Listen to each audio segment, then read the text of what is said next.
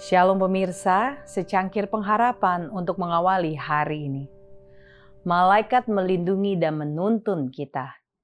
Sesungguhnya aku mengutus seorang malaikat berjalan di depanmu untuk melindungi engkau di jalan dan untuk membawa engkau ke tempat yang telah kusediakan. Keluaran 23 ayat 20. Mereka yang telah membiarkan iblis untuk menggoda mereka harus melakukan upaya untuk membebaskan diri dari kuasanya. Tetapi ketika mereka mulai bekerja untuk diri mereka sendiri, maka para malaikat Tuhan yang telah mereka dukakan akan datang untuk menyelamatkan mereka.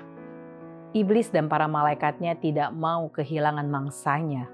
Mereka bertarung dan bertempur dengan malaikat suci. Maka terjadilah konflik yang sengit tetapi jika mereka yang telah berbuat salah terus memohon dan dengan kerendahan hati yang dalam mengakui kesalahan mereka, malaikat yang unggul dalam kekuatan akan menang dan merenggut mereka dari kuasa malaikat jahat.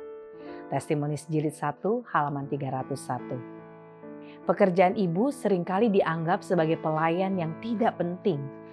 Ini adalah pekerjaan yang jarang dihargai yang lain hanya tahu sedikit tentang banyaknya beban seorang ibu.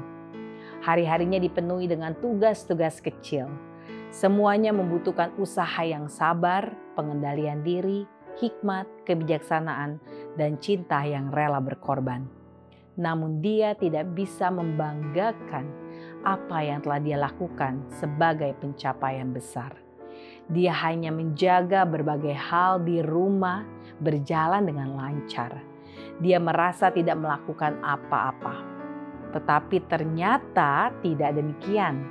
Malaikat surga memperhatikan ibu yang diganggu kesusahan itu. Memperhatikan beban yang dia pikul dari hari ke hari. Namanya mungkin belum pernah terdengar di dunia, tetapi itu tertulis dalam buku kehidupan anak domba. Councils to Teachers halaman 144 walaupun para penguasa dunia ini tidak mengetahuinya.